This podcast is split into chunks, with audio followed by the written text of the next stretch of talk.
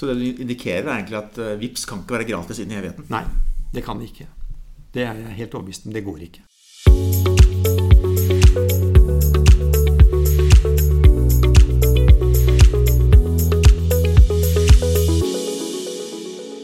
Norske sparebanker er sjelden på forsiden av Dagens Næringsliv eller Finansavisen. Allikevel danner de den finansielle ryggraden i mange norske lokalsamfunn og sørger for kompetanse, kapital og ikke minst stabilitet til private husholdninger og bedrifter rundt omkring i hele Norge. Et slags finansielt norsk grunnfjell, kan du kanskje si. Sparebankene har tradisjonelt vært tallrike, fokusert på private kunder og mindre lokale bedrifter. De siste årene har det imidlertid vært nedgang i antall sparebanker. Nye kapitalkrav har gjort finansiering dyrere for små og mellomstore banker, og det har ført til en bølge av fusjoner og sammenslåinger de siste årene. Dette er en pågående trend, og konsolideringen i bankmarkedet kommer til å fortsette framover. En toppleder som står med begge bena midt i dette, er Per Halvorsen. Han er sjef for Sparebank1 Sørøst-Norge, en bank med børsverdi på rundt 7 milliarder kroner, og viktigste markedsområde i områdene Vestfold, Telemark og Buskerud. I tillegg er han styreleder for Sparebank1-alliansen og Samspar. Per er vår gjest i denne podkastepisoden. Jeg er Sindre Dare, partner i Agera.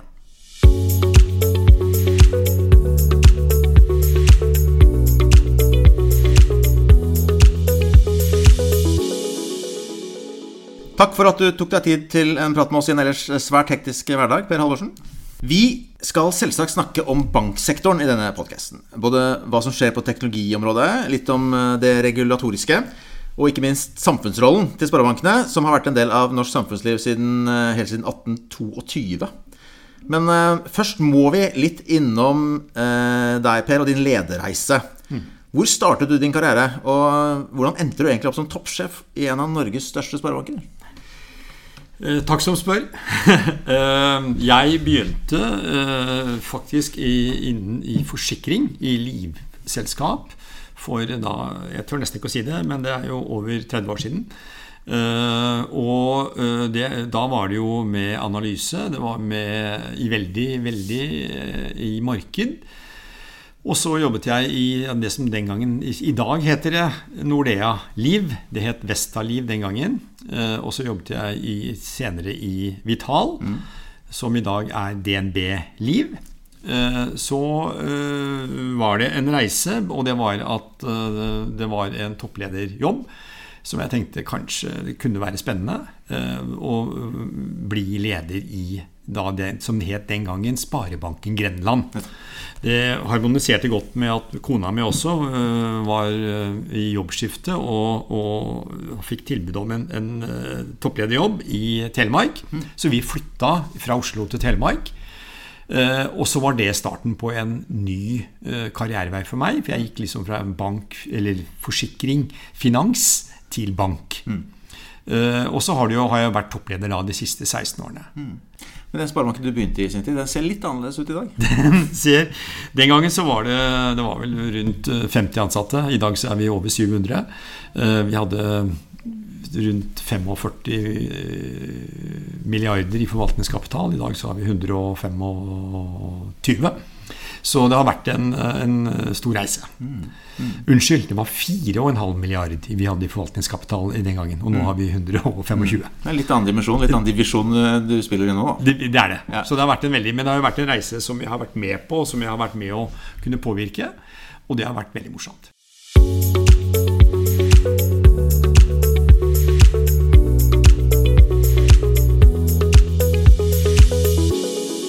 Jeg må kort innom våren 2023 før vi går skikkelig i gang med spørsmålene her. fordi det skjedde veldig mye dramatisk også i banksektoren i første halvår. Den sveitsiske bankgiganten Credit Suisse holdt på å gå rett over ende og ble reddet av eh, staten. Og etter hvert kjøpt opp av eh, UBS. Eh, og ikke nok med det. Amerikanske Silicon Valley Bank var definitivt ikke forberedt på at det skulle skje noe på rentemarkedet og i obligasjonsmarkedet. Og de sto der plutselig med en portefølje som sank som en stein i, i verdi. Mm. Um, og igjen så måtte staten inn. Uh, og, og, og, deretter gikk også First Republic Bank, når det er mye amerikanske banker her. Uh, men det var ganske rufsete farvann uh, på våren. Merket dere noe til dette her i Sparebanken Sørøst-Norge? Ja, vi, vi, merket det. Og Nå skal jeg ikke snakke som en gammel mann, men jeg begynte jo i bank eh, altså i 2006. da. Eh, og vi fikk jo finanskrisen inn i 2008-2009. Eh, vi så jo veldig mye av de samme trekkene eh, også nå i år. Og det er klart vi er betydelig bedre rusta i dag. Nå tenker jeg på bankvesenet enn vi var den gangen. Soliditeten er kjempegod i et stort perspektiv for norske banker. Og vi var jo ikke så direkte inne nå i år som vi var den gangen. For da var vi jo selv en del av hele problemstillingen. Nå var det veldig hva skal vi si, importert. eh, Mye større grad enn det var den gangen. I 2008 og 2009. Så vi, eh, i den, vi, vi gjorde jo tiltak. eh, Og det er jo én ting som er et nøkkelord i, i min verden. Det er jo likviditet. Det er jo at du hele tiden har funding eh, på banken. Eh, og vi er, er eh, mye mer forutseende på det i dag enn vi var tidligere. For Silicon Valley Bank, da, eh, ta det som eksempel, de opplevde jo et sånn godt, gammeldags bankrun. Yes. Hvor alle disse oppstartsselskapene plutselig trengte kapital. Ja. Og løp til banken og skulle ha det ut, Ja. ha det ut og så var det jo ikke nok penger til å, å rett og slett gi, gi til kundene. Nei, og det er jo enhver bankmanns mareritt. Et bankrun. Eh, Og vi har jo lest mye om det, og vi har jo sett det i praksis. eh, I, i, eh, og da også tilbake til 2008-2009. Så det er jo, det er jo marerittet vårt. Og der tror jeg enhver leder av en bank har forbanna seg på at det skal vi ikke oppleve. så det er jo så særdeles viktig. Ja. Hvor stor, altså, Kan du si noe om forskjellen på de regulatoriske forholdene i USA og i Europa og Norge? For det virker som dere er ganske strengt, veldig Ja. strengt regulert i Norge i forhold til resten av verden. Jeg vil si at eh, La oss bruke det som en tidsakse tilbake til 2008-2009. Så uh, gjorde norske myndigheter veldig mange grep. Eh, og ett grep var jo oppkapitalisering av bankene, som vi har vært litt pissed på til tider. Men vi ser jo det i ettertid, at det har vært et fornuftig trekk. Eh, den endringen de gjorde også store grep i USA, men de er ikke i nærheten av å ha gjort de grepene som vi har gjort i Norge, og europeisk bankvesen også har gjort i, i kjølvannet av det. Så jeg tør påstå at vi er betydelig eh, bedre rustet for en ny krise enn de fleste andre banker i hele verden. Kan man teoretisk få et bankrun i Norge også, eller er det nesten et, et usannsynlig scenario? Teoretisk kan vi vel få det, men jeg tror, jeg tror ikke noe på det. Jeg tror, Og heldigvis, og det, det må jeg også få lov til å si altså i, i ettertid vi, eh, Jeg har jo vært banksjef, jeg vet nesten ikke hvor, under hvor mange finansministre. Men eh, i, i, banker, altså i finanskrisen i 2008 og 2009 så var det Kristin Halvorsen som gikk på som, som eh, finansminister. Hun var glimrende. Vi opplevde Siv Jensen eh, om ikke så veldig mange år etter. Hun var glimrende. De var ydmyke eh, for dette her. De gjorde tiltak. De lytta på byråkratene. eh, Som gjorde at Og det var en særdeles tett dialog mellom næringen og regulatoriske myndigheter, og myndighetene generelt. Det har vi lært mye av. Og det er en styrke når det gjelder den, den norske modellen. Ja.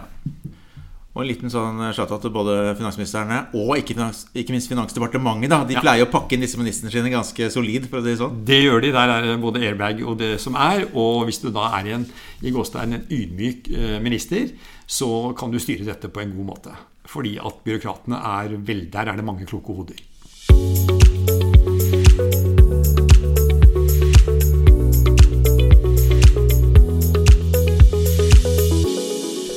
Starte litt på hovedprogrammet her. Fordi um, jeg har lyst til å spørre deg litt om fintech. Ja.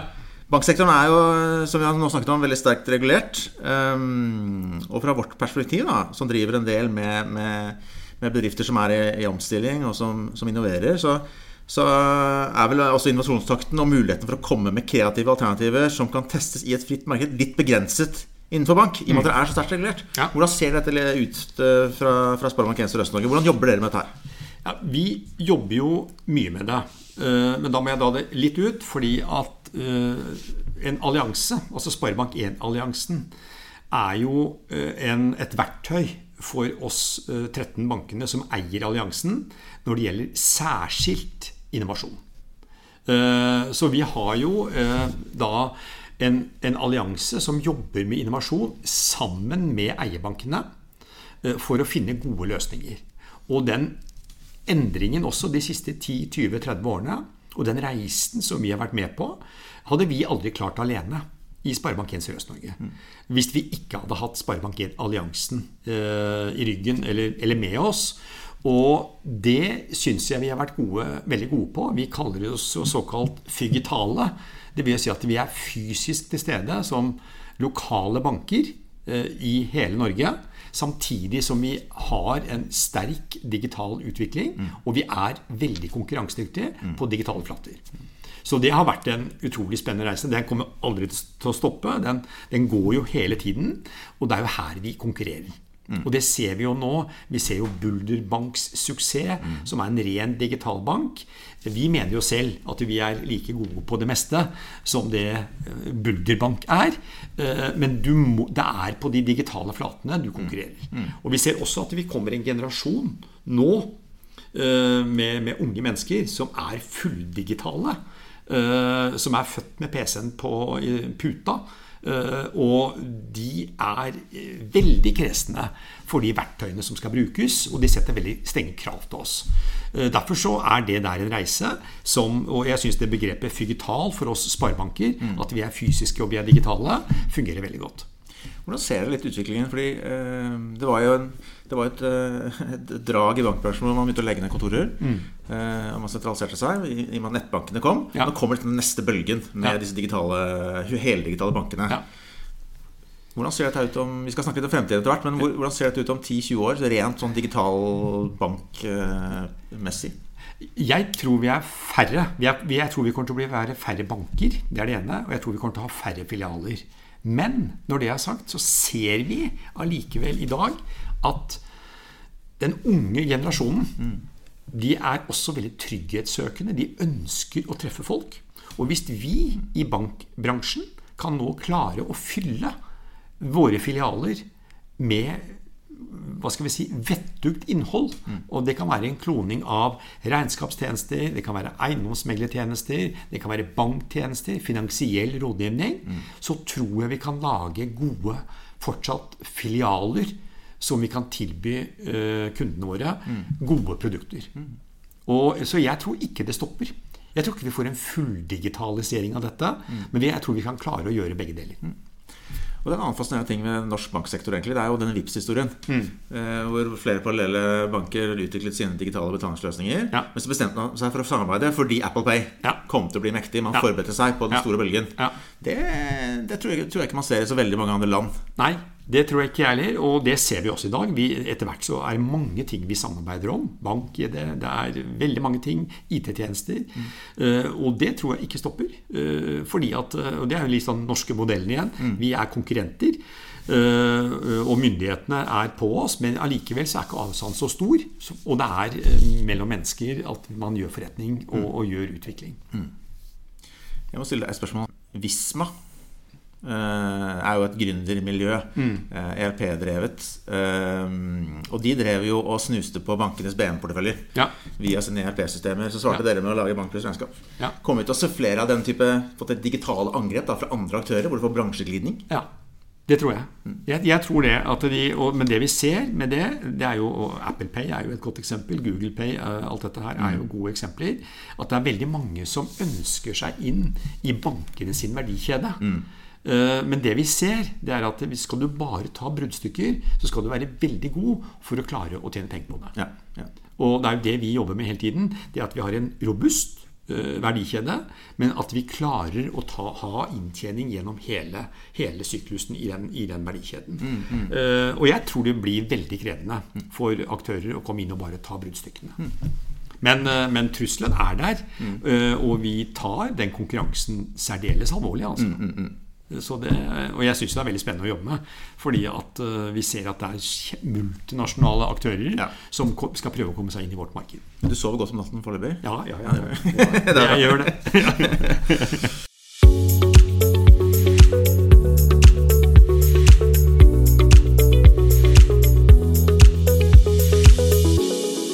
Finansforbundet lager en del analyser om norsk fintech-bransje. Det kom en ny oppdatering nå her forrige uke, var det vel? Um, Og de konkluderer med at norske fintech-oppstarter de sliter litt, med å, sliter litt med å etablere seg kommersielt. Um, og ikke minst rettferdiggjøre de betydelige investeringene som er nødvendige for å komme opp i, i plan.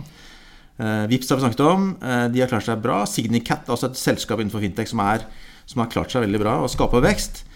Um, men det er en lang hale av småselskaper som sliter med å få fart og brenner veldig mye kapital. Mm. Um, hvor stor er egentlig den utfordringen, sånn som du ser det? Ja, Den er kjempestor. Og det er heller ingen hemmelighet, eh, det har stått i avisen, at VIPS også sliter med sin inntjening. Mm. Uh, og det går veldig mye på at folks generelle holdning det er at den type tjenester skal vi ikke betale noe for. Uh, mm. Og det tror jeg vi kommer til å se en endring på. Fordi at hvis sånn type VIPS, type signikat, alt dette her, hvis de ikke tjener penger, så er det ikke bærekraftig over tid. Mm. Noen må betale regningen. Og når vi nå også ser marginene til bankene mm. Og tro meg på det, altså akkurat nå er vi inne i en tid hvor renten går opp. Da er det lettere å ta marginer for bankene på et generelt nivå. Mm. Uh, men vi kriger uh, hver eneste dag mellom alle bankene uh, om kundene. og pris er et, et, veldig viktig element i den konkurransen. Og øh, hvis du da skal ha flere øh, elementer og produkter som du ikke tjener penger på, så blir dette særdeles krevende. Mm. Så, og det er vi nødt til. Og jeg tror folk etter hvert må øh, få en Vi må jobbe med en holdningsendring. At du må også se at du må kunne, vi må kunne ta oss betalt, og kunden må kunne betale for enkelte tjenester. Mm. Så det du indikerer, er egentlig at VIPS kan ikke være gratis inn i evigheten? Nei, det kan det ikke. Det er jeg helt overbevist om. Det går ikke. Nei. Eh, og selv med bankene som eiere, så kan ikke bankene sitte på og se på dette over tid. Man er nødt til å, å ha en inntjening, og det må være bærekraftig over tid. Mm. Mm. Så det, det, det, det, må det bli. Mm. Og det ser man jo også på, det, på denne halen av småselskap som sliter med å tjene penger også. At, ja. uh, her må det skapes business. Må, og det er så enkelt. Det, det, kommer aldri til å gå av moten. Du må tjene penger på det du driver med over tid. Uh, og det er jo business uh, som, som er nøkkelord i den sammenheng. Et lite tilleggsspørsmål på det. fordi Jeg så på den oppdaterte analysen at uh, disse fintech-startupene sliter med å hente inn uh, kapital. Du sammenligner med andre tech-bransjer. Ja. Uh, det går trådere. Investorene har ikke så mye tro på fintech som de har på andre sektorer. Noe spekulasjon rundt hvorfor det er sånn? Nei, altså, jeg tror nok det kan, det kan, være noe Dette har jeg ikke noe helt ja eller nei-svar på, men jeg tror nok at det er vanskelig for små aktører å komme seg inn i verdikjedene til de store aktørene. Mm. Og da tenker jeg bankene. Mm. For vi, vi, er litt gjerrige på vår egen verdikjede. Vi ønsker ikke å slippe mindre selskaper inn. Uh, og det kan være at de ikke har den kompetansen de mener de burde ha. Mm. Det kan være at de ikke har den kapitalbasen. Uh, og det gjør at vi, vi, vi ofte holder litt igjen på uh, hvem vi ønsker å slippe inn, og hvem vi, vi slipper inn. Det er litt interessant spørsmål, egentlig. Det, er det mange som banker på døra deres? Ja. Og vil være med, holdt jeg på å? Ja. ta en del av verdikjeden ja. få teste nye produkter, ja. komme inn i kundebasen? Ja. Og et eksempel på det var jo når, vi, når VIPS ble etablert i sin tid. Var jo DNB som, som gjorde det. Eh, det gikk jo veldig kort tid uh, før vi klarte Eller vi klarte ganske raskt å stille Mcash som var et konkurrent til VIPS mm. Eh, på banen, mm. det var via et fintech-selskap som, kom, ja. som banka på døren vår. Sier at vi kan hjelpe dere med å lage en løsning. Nettopp. Og vi kjøpte den tvert, ja. og det ble en god løsning. Men så så vi jo at markedet og kundene er tjent med at Norge har én betalings- eller VIPS-tjeneste, mm. og det var VIPS. Og nå eier vi jo det samme.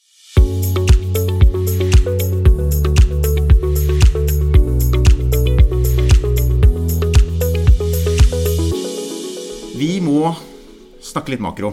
Ja. Um, det heter seg, i hvert fall I de akademiske miljøene altså heter det seg at en klassisk finanskrise følger en såkalt uformet pengepolitikk. Uh, hvor det er en periode med tre til syv år med lave renter, uh, etterfulgt av en eller annen form for krise som fører til at rentene stiger, og dermed utløser en større finanskrise. Eh, situasjonen vi står i nå, følger jo læreboka i sånn måte. Eh, det har vært mer eller mindre gratis penger vil jeg si, over lang tid. Mm. Plutselig fikk vi en pandemi, og plutselig fikk vi en krig i Europa eh, som gjorde at aggressive sentralbanker og hele verden må håndtere at inflasjonen er tilbake. Mm. Hvordan ser dette ut fra, fra banksjefstolen? Nei, Teorien stemmer jo i praksis, Eh, og det ser vi. Eh, Dette er noe vi lærte på skolen. At det var de syv gode og de syv eh, magre årene. Eh, Og, og det kan jeg bekrefte at, vi har, at det, det, det skjer. Vi ser jo ofte, dessverre, når vi går inn i de gode tidene, at veksten blir stor. Vi ser, man tror at ting skal vokse inn i himmelen, hvilket det ikke gjør. Eh, Og det blir, kommer korreksjoner. Og, og den, det, det tidsintervallet som du sier fra 3 til 5, eller rundt 7, nei, 3 til 7, det, det er riktig. Altså. Det er, eh, og det, jeg tror vi kommer til å se det nå igjen. Mm. Nå er vi inne i en tøffere tid enn hva vi hadde tidligere. Eh, Nå selges det ikke noe særlig nye biler eller båter. Eh, For bare under to år siden så, så var det støvsugd i markedet. Så ting endrer seg veldig fort. Jeg var en tur på bil her om dagen. og Jeg var så vidt jeg kom inn i butikken, for det var så mye bruktbiler Ja. eh, som Ja. var parkert rundt omkring. Eh, så jeg skjønner at det her er det problemet med å få omsetning. Ja. Er det, er, det noen bransjer spesielt som dere ser fra bankstolen som nå, hvor risikoen øker, da? Altså det er jo veldig mange Vi, vi, har jo, vi ser jo at eh, f.eks. bygg og anlegg for tiden eh, er en risikoutsatt bransje. Ja. Eh, Da tenker jeg ikke på de store entreprenørene. Det er solide selskaper som, som har eh, særdeles godt management og, og styrer etter, etter konjunkturene. Men vi ser jo mindre aktører. eh, Og utbyggere som nå ikke får solgt, som ikke har kapital nok til å, til å stå han av de dårlige tidene. Det er vi redde for at vi kan ses noen større konkurser etc. i, i bl.a. bygg og bygg anlegg. Men vi ser også i detaljhandel, restaurantbransjen og alt dette, som er uh, så veldig utsatt også for uh, når vi går inn i en lavkonjunktur. Men jeg tror vi kommer til å se eh, store korreksjoner i, i mange bransjer fremover. Altså. Og nå tenker jeg særlig høsten nå i 2023 og inn i vinteren 2024. Ja, fordi Når dere predikerer eh, og lager scenarioer Ja. for deres portefølje, så antar jeg at dere følger rentekurven. Det gjør vi. Og den er jo oppadstigende, men den er på, vi, er, vi snuser vel, i hvert fall ifølge teorien, på toppen nå. Det gjør vi. Og så går vi ned, nedover igjen. Ja. Og det tror vi at eh, Men det, da gjør det vondt så lenge du skal nærmere deg toppen. eh, Og det kommer til å smerte mange.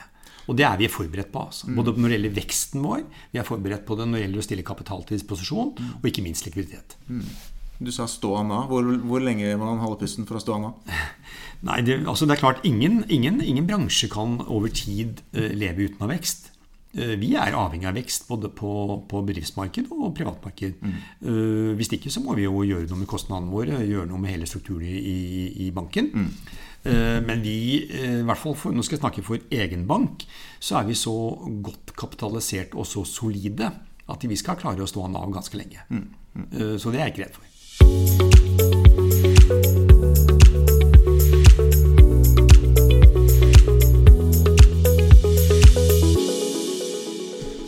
Bra. Vi er nødt til å gå litt over på samfunnsrollen deres. Um, For den finansielle organiseringen til en sparebank gjør at, gjør at begrepet 'av samfunnet' for samfunnet ofte blir brukt.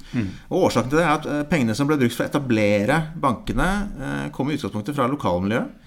Og dette er jo et DNA som, som sitter sterkt i sparebankbransjen i Norge, for å si det mildt. Ja. Um, hvordan preger det en bank som Sparebank1 Sørøst-Norge, som jo tross alt begynner å bli ganske svær? Ja, det vi har gjort, og det har vært et særdeles viktig verktøy for å få til alle de fusjonene vi har gjort. Vi, har jo, vi jo, har jo verdensrekord i å fusjonere banker. Uoffisiell som sådan, men i, 20, i året 2022 til, nei, 2021 jo, til 2022 så hadde vi jo fusjonert vi tre banker på under et år. Og det mener vi er en uoffisiell verdensrekord. Eh, Og i den sammenheng så hadde vi ikke fått til det hvis det ikke var at vi tok uh, mye av grunnkapitalen, altså samfunnskapitalen, i de gamle bankene og omdanna til stiftelser. Og, og det har vært en stor suksess. I dag så har vi fem stiftelser som er bankens største eiere, i tillegg til børsen. Og de stiftelsene skal da i teorien ivareta samfunnsinteressene lokalt til Dovre faller. Dette er evighetens perspektiv i pengene. Og jeg syns modellen er knakende god. Uh, og det er jo at pengene er lokale.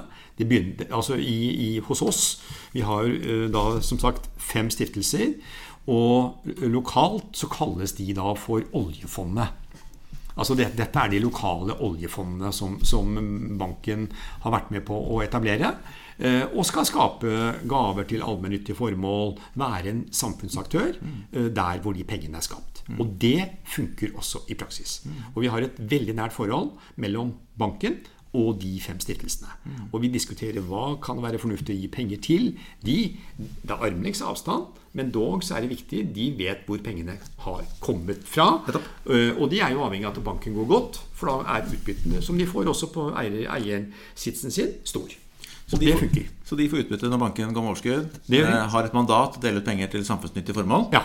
Og blir en, en viktig maktfaktor sånn sett da, i Særdeles viktig. Og det går på alt inn fra idrett til kultur til altså andre samfunnsnyttige formål mm. som de er kjempestore lokalt. Så når pengene til finansbankene, eierne til finansbankene går rett i lomma til eierne, så, så er dette mer et, et, fortsatt et samfunnsanliggende. Det, det, er det, og det er jo det vi ønsker å spille på. Som jeg også tør påstå gjør oss noe annerledes enn en, en ren forretningsbank. Mm. Det er jo at vi har fortsatt samfunnskapitalen. Mm. Vi har disse stiftelsene som vi har etablert uh, for å få til struktur, og for å, og for å ivareta allmennyttige formål og den tjenesten som man gir til folket der hvor pengene er skapt, mm. i evighetens perspektiv. Mm. Og Det syns jeg er en kjempegod teori og en, en god modell mm. uh, i den sammenheng. Mm. On that note, uh, dere er én av tre Sparebank1-banker i Norge som arrangerer vekstprogram for utvalgte lokale bedrifter. Ja. Og da må vi nesten si, si at det er sammen med oss i Agera. noe som jo passer veldig godt med den lokale forankringen du nå nevner, og sparebanktradisjonen, og egentlig også bedriftsløftet som alliansen har. Ja. Um, samtidig er det liksom litt, nytt at en sparebank er såpass direkte i, i støtten til lokal næringsutvikling uh, og det å skape nye arbeidsplasser. Hvordan tenker du rollen som sparebank kommer til å utvikle seg videre de neste årene? Det er jo, for det første så er det veldig opp til oss, eh, og vi må ha det rette synet på å gjøre det. Men jeg, jeg syns den modellen med at vi, eh, når vi da har stiftelsene som, som ivaretar de allmennyttige formålene Vi har også et ansvar for at det er verdiskapning, at det er innovasjon, og at det er aktivitet lokalt. Vi ser jo at de store forretningsbankene ikke er så veldig interessert i de mindre stedene i Norge. Mm. Det er sparebankene. Mm. Og da kommer vekstprogrammer i kombinasjon med, med disse pengebingene og oljefondene som, mm. som, er der ute, som en særdeles viktig eh, brikke for å kunne skape den veksten og innovasjonen lokalt. Mm. Og det er masse folk eh, der ute som er kjempeflinke, men en knapp faktor er jo kapital. Mm.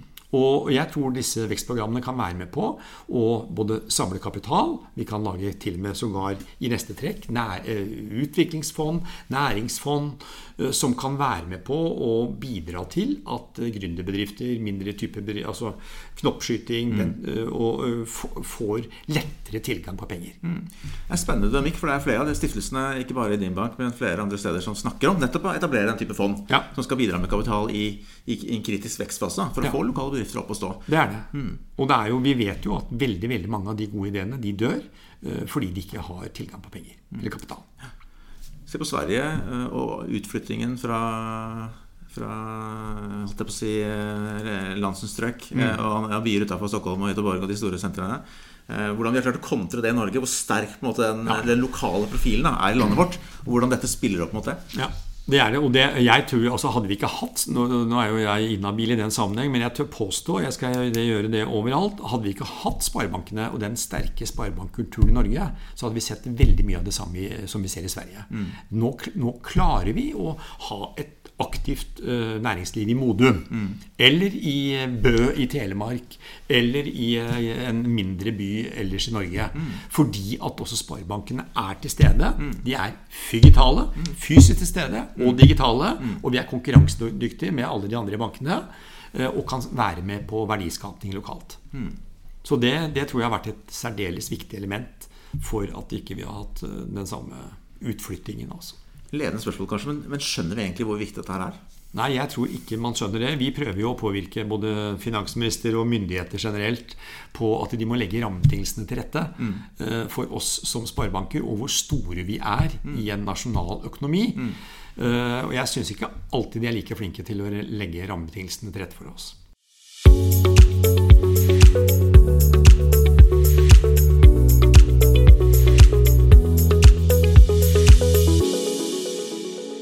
Ser litt sånn fra et bankperspektiv og i forhold til tilgang på kapital, så uh, den taksonomien i ja. EU som nå gjør, gir dere mulighet til å, å gi billigere, alt jeg på å si, eller eh, lån med, med, lavere rente ja. på bedrifter som har en bærekraftsprofil. Ja. Hvordan, hvordan, påvirker det måte, bankhåndverket?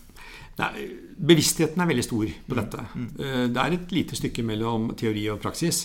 Eh, at eh, det har ikke blitt like stort som det vi trodde så mm. langt. Mm. Nå er det veldig mange andre ting som påvirker oss, med både krig i Europa og, og tsunamier og Nei, ikke unnskyld, naturkatastrofer i hvert fall. Med hans og andre ting som gjør det vanskelig for oss. Tenkte, og, og, pandemier, tenkte jeg på. Mm. Så jeg, jeg tror vi kommer å, dette kommer ikke til å bli mindre aktuelt, men vi, eh, jeg tror ikke det går like fort som det vi trodde. Nei, det er det er eh, med å, å, få, å få altså, taksonomien inkorporert i, i alt det vi driver med. Vi jobber med det, mm. men det går litt treigere enn det vi trodde. Får dere mange henvendelser fra, fra kundene på dette? Vi skulle gjerne hatt enda flere. Ja. Jeg, jeg syns vi får for lite. Og jeg syns vi, vi, har for få case som vi kan jobbe sammen med våre kunder om når det gjelder akkurat dette. Mm. Jeg har hørt om en del store konsern som, som flagger at de har fått den type lån. Mm. Ofte syndikerte, da. Ja. Uh, men hvordan er det med SMB-ene? Er de også i posisjon for å få den type betingelser? Altså de, bevisstheten i SMB-markedet er mye, mye mindre.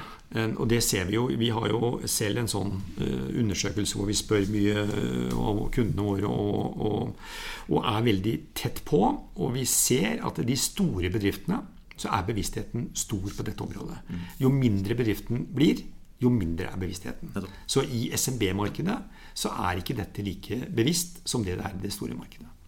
Og det er jo vi har jo en, et ansvar uh, i det markedet for å, for å, bevisstgjøre mye sterkere. Mm. Og vi har også et ansvar for at vi kan, kan det være en del av den samarbeidsmodellen mm. som vi ønsker å ha med kundene våre på banktjenester, på eiendomsmeglertjenester eller på mm. regnskapstjenester eller hva det måtte være. Mm. At vi kan lage pakker som underbygger nettopp dette. Ja, for det ville vært en enorm, enorm push da, ja. mot det grønne skiftet. Ja. Hvis man visste at uh, dette gir bedre betingelser på kapital. Ja, jeg er helt enig.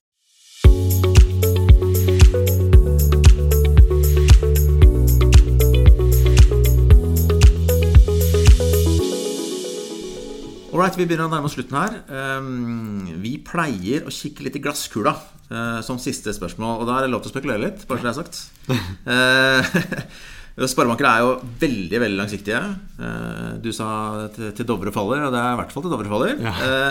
Derfor tenkte jeg å strekke det litt langt og spørre hvordan ser du for deg bankbransjen om 20 år? Nei, og det er jo Hvis vi går tilbake, da, før vi tar 20 år frem, så går vi 20 år tilbake, eh, så har det skjedd veldig mye. Vi har eh, Det er særdeles mange elementer. Går du 30 år tilbake, så har det skjedd særdeles mye. Men jeg tror vi i fremtiden eh, Jeg tror ikke bank- og finansbransjen blir snudd på hodet. Mm. Selv om det er mange som mener sikkert det. Eh, at da vil det være Google og det vil være Apple og, som styrer hele den næringen. Det tror ikke jeg. Jeg tror hvis vi som næring, og nå i kongeriket Norge, eh, er fremoverlent, vi er sultne på å være en viktig aktør og en god samarbeidspartner for våre kunder, mm. så tror jeg du kommer til å se færre banker om 20 år. Det er jeg helt overbevist om. Mer solide banker, men som driver med en større bredde enn bare å låne ut penger. Mm. Og jeg tror vi er kloke nok, og at vi er offensive nok til å ivareta vår egen verdikjede mm. på en positiv måte. Ikke noe konservering, og heller ikke noe sånn at vi ikke tør å slippe andre inn, men at vi selv kan være med med gode samarbeidspartnere og utvikle bankvesenet til å bli solid og innovativt og være en en pusher på innovasjon og verdiskapning i kongeriket. Så en lys framtid for, for sparebankbransjen også?